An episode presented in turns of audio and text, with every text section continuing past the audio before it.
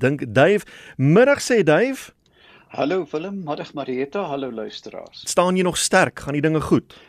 Ja, jy weet dis maar my week weeklikse Russiese roulette, jy weet ek wag vir die volgende knal. goed. Dit klink onheilspellend. Dit is. Kom ons begin met hierdie een van Bobby in Wellington. Hy sê die hamerkop kom kuier nou gereeld op ons erf hier in Wellington. Wat vreet hierdie ou rooie? Ek wonder of hy ook soos die blou reier kuikens vreet. Die tarantale en visante broei gereeld hier by ons. Hamerkoppe is uh voetgewoonlik naby uh vlei gebiede of rivieroewers. Met ander woorde, paddavisse klein uh krappies, uh insekte as hulle dit in die hande kan kry, maar ek dink nie eintlik hulle is 'n kuikendief nie. Um hulle is 'n vreemde voeltjies voet tog, jy weet, in met die toename van uh, kolganse byvoorbeeld word hulle neste oorgeneem deur die kolgaan wat wat bo op die nes begin nes maak dan val die hele ding in mekaar. Hmm. So dis een van daai ikoniese voels wat 'n mens eintlik maar al sou hy kuikens vreet moet verduur want hulle is so so mooi.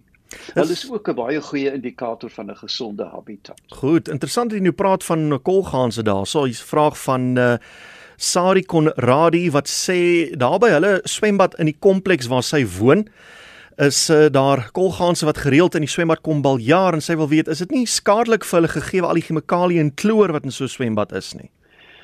Jong, ja, ek ek dink nie hulle sal heeldag daar nie. Hulle kom dalk net bad. Jy weet dat dat selfs watervoels bad dat hulle moet gereeld was. Ek het juis vir vir hoe verklaar jy dit ehm um, opgeneem vandag oor jy weet die skoon hou van vere. Hmm. So as 'n mens dink dat sekere voëls byvoorbeeld op muurneste gaan lê sodat hulle luise kan afval as gevolg van die muursuur, nee, is dit nie totaal uh, uh, onwaarskynlik dat die kolgaanse in 'n klein mate dalk van die kloor en chemikalieë hou nie want dit hou dalk uh, luise in toon. Hmm.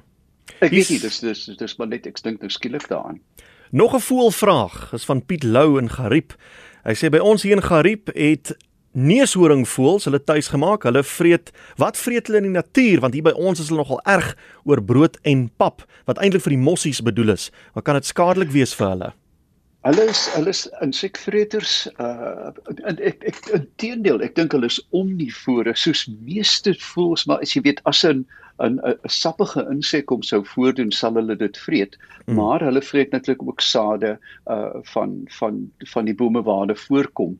Uh ek, ek dink byvoorbeeld aan ruismure. Hier is nou 'n taktik wat ek gebruik om eintlik van die vraag af weg te kom. Um dat dat selfs arende sal ruisspiere vreet, jy weet as hulle begin vlieg na reën of voor reën. So hulle het 'n hulle het 'n gemengde dieet um en na my wete is hulle kyk dis natuurlik nie 'n Kaapse voel nie so ek ken hulle nie persoonlik baie goed nie maar na my wete is hulle omnivories dat hulle ook insekte vreet maar hoofsaaklik vrugte as ek dit reg het. Van voëls na visse, dis nog 'n interessante een hier van Pikkie Kotse van Swazirenike. Ek wil graag weet hoe weet varswatervisse waar en wanneer om om te draai voor 'n rivier in die see inloop? En as hulle nou nie kan omdraai nie omdat die stroomsinema te sterk is, hoe lank vat dit voor hulle doodgaan in die soutwater? Dit hang af wat 'n spesies. Jy weet jy kan byvoorbeeld 'n kurper, jy weet 'n uh, tilapia kurper, kan jy stelselmatig en trapsgewys aan seewater gewoond maak. Jy weet as jy dit as jy dit baie stadig omskakel. Hmm. Ek weet daar was 'n poging om uh die vangs van van uh tuna, geelvin tuna te verhoog deur hulle met uh, lewendige tilapia te lok en dan oor 'n ek dink 3 of 4 dae kon jy dit omswaai. Dan het ons natuurlik 'n aantal spesies soos die springer byvoorbeeld wat hoog in varswater rivier omgekeerd in varswater kom ook die Zambesi haai. Um daar is natuurlik baie spesies soos 'n baars byvoorbeeld die, die bekende black bass wat nie uh, die hoë lading van sout kan hanteer nie. Hulle is net eenvoudig fisiologies nie aangepas nie. So dit hang af van die spesies of hulle gaan oorleef. As dit 'n kurper is, kan hy heel moontlik oorleef, maar as dit 'n ander uh, ander spesies gaan hulle nie baie lank hou nie. Ek vermoed in die orde van 3 of 4 ure dan sit dan sit fin verby in plaas van neusie. Dis interessant jy al praat van die Zambesi. Ja, ek dink 'n ander wêrelddele hulle praat hulle van die bull shark. Ja, en um, ja. dit want in hierdie ding is gevaarlik want mense swem in in riviere en dink hulle hulle is nou veilig en baie van van hierdie mense is al aangeval deur Zambesi haie. Ek onthou al te goed toe ek 'n jong bosbouer was in uh, in riviere wat in die St Lucia meer ingeloop het. Moes ons uh, ons het 'n brug gebou en soggens het ons dan met takke die water geslaan Oeh. om van die krokodille en die van die Zambesi haie ontslae te raak. Jy weet voor ons begin werk het. Dit hmm. dit is 'n wesenlike gevaar. Mense met alles bitter bitter gevaarlike haie. Interessante een van Henny. Hy wil weet die aardplate, ek neem aan hy praat van die tektoniese plate, hoe diep is hulle en hoekom skuif hulle rond en sal hulle ooit ophou skuif? Hulle sal nooit ophou skuif nie. Hoe diep hulle is kan ek nie die fousheid sê nie. Dit gaan in die orde van 'n uh, tientalle kilometers wees. Um die die die aarde se kors dryf letterlik op 'n see van magma, van gesmelte rots. Met ander woorde, dit is soos ysblokkies uh, in 'n drankie. Um en uh dan waar die plate mekaar ontmoet uh gewoonlik beweeg 'n 'n plaat onder 'n ander in. Hulle bots nie net eenvoudig en maak die Himalajas nie, hulle gly oor mekaar. Hmm. En dis net daar waar aardbewings natuurlik uh, sy ontstaan het wanneer daar 'n uh, uh, uh, uh, 'n soort van sê maar 'n taaierige plek is in hulle gly en hou op gly maar die drukking, die beweging en skielik los daai kragte mm. en dan kry jy magtige aardbewings. En dan op die rande waar hierdie beweging is, is daar ook natuurlik vulkane. Ons ken die be bekende ring van vuur om die stille oseaan en as jy dit nou letterlik uh, uitstip op 'n kaart, dan weet jy presies waar hierdie plate oor mekaar loop. Hulle loop, hulle bots gewoonlik nie teen mekaar nie, hulle gly ja. oor mekaar. En dan die een wat dan onder ingly, smelt weer, vorm deel van die magma en vorm weer vulkane op 'n ander plek. En as dit in die diepsee plaasvind en die water word vlakker en vlakker, dan kry jy 'n tsunami.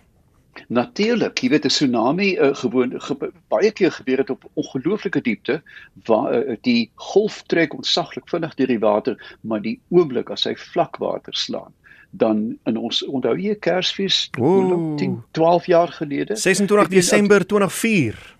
Yes, en ek het jy weet ek het oor en oor gekyk na die ongelooflike mag, jy weet hierdie hmm. kalm see en skielik klim hierdie monsteragtige blander uit, jy weet en dan weet ons wat gebeur. Ja, dit was verskriklik. Iets soos uh, 250 000 mense wat oorlede is waarvan 'n klomp mense nog nie gevind is nie, die grootste natuurramp in mense jeugenis gewees. Ja, jy weet en dan natuurlik ook die natuurlik uit die baie interessante aspek van baie baie diere, honde, olifante mm. en ek dink diere of katte, wilde katte wat baie lank voor die tyd reeds begin hardloop het na droë grond. Jy weet en, en niemand het eintlik aggeslaan daarop nie want ek weet jy kyk mos nou net na olifant se mm. beweging om te kyk of daar 'n golf kom nie. Uh en hulle het dit aangevoel uh, baie lank voor die tyd of, of relatief lank voor die tyd. Koos Mouton van Potchefstroom het jy 'n vraag oor huiskatte. Hy wil weet hoekom is hulle so lief om in kaste of in koffers of in bokse te klim? Jy kan skaars die hangkas oop los en dan spring die kat in en ek wonder hoeveel mense het al hulle katte per ongeluk in uh kaste en so aan toegesluit. Wel, uh, tel my by die die die, die kat toesluiter. Jy weet daar is so 'n benoude gepiep in die middel van die nag. en jy weet nie waar dit vandaan um, kom nie. ja, jy weet ek ek, ek moet altyd ek ek wonder of dit my lyf of my kop is nie as so dit geëlimineer het ek dink is dalk die kat. maar hoe dit ook al sê, um dit is dat hier katte is voorlê prooivangers. Jy weet hulle kruip weg en spring op 'n ding en hierdie klein grootjie wat jy dan vir 'n kat gee, jy weet as jou kat werklik verveeld is, gee vir hom 'n leë kartondoos. Ure ah, ja. en ure hulle lê daar in en loer uit en dit is natuurlik hierdie primitiewe wegkruip en voorlê. Uh daar mag mm. dalk 'n muis verbykom. Ek dink ons maak uh, tyd vir so laaste enetjie van Tanya New Bethesda. Waarom lyk dit of die wolke onder plat is en bo bol hulle? Wel hulle is onder plat, so kom hulle so lyk. Natuurlik nie altyd nie. Ehm um, die, die laag van lig wat verskillende temperature het, lê soos 'n koek op mekaar. Dit is waar 'n mens byvoorbeeld op 'n stil dag in Johannesburg, Kaapstad, 'n sogenaamde inversie kry. Jy weet waar daai rooklaag soos 'n kombers lê oor die stad. En dieselfde geld natuurlik ook vir warm lugkolomme wat opstyg. En dan natuurlik is daar 'n verband tussen hoogte uh, waterinhoud en wanneer dit begin kondenseer. Hmm. Maar 'n mens moet ook onthou daar is heel daar is die soort sogenaamde mammifera, mammifera verwys na bors wat hang, uh, wolke wat lyk na na 'n uh, 'n uh, uh, koei se eier wat daar hang, jy weet, met tepels aan. So dis nie altyd plat nie, maar Goed. dit is net hierdie skielike oorgang van 'n uh, lugtemperatuur wat gewoonlik die plat die en dan aan die bokant is daar opwelling van van die warm lug uh, veral in cumuluswolke en dan kry mens hierdie blomkoolagtige uh, verskynsel. Ek moet sê, jy weet hoe ouer ek word, hoe meer kan ek my verstaar aan wolke. Dit is van die wonderlikste goed in die natuur. Dave en dis dit. Baie dankie. Kan ons volgende week weer so maak? Ons maak absoluut so. Mooi bly, lekker gesels. Totsiens. En dit was Dave Peppler. Hy beantwoord elke donderdagmiddag jou natuurnavrae en dink Dave, jy's welkom om sy webwerf te gaan besoek en verder daar te kuier, davepeppler.com of gaan soek hom op Facebook. Jy tik maar net in Dave Peppler.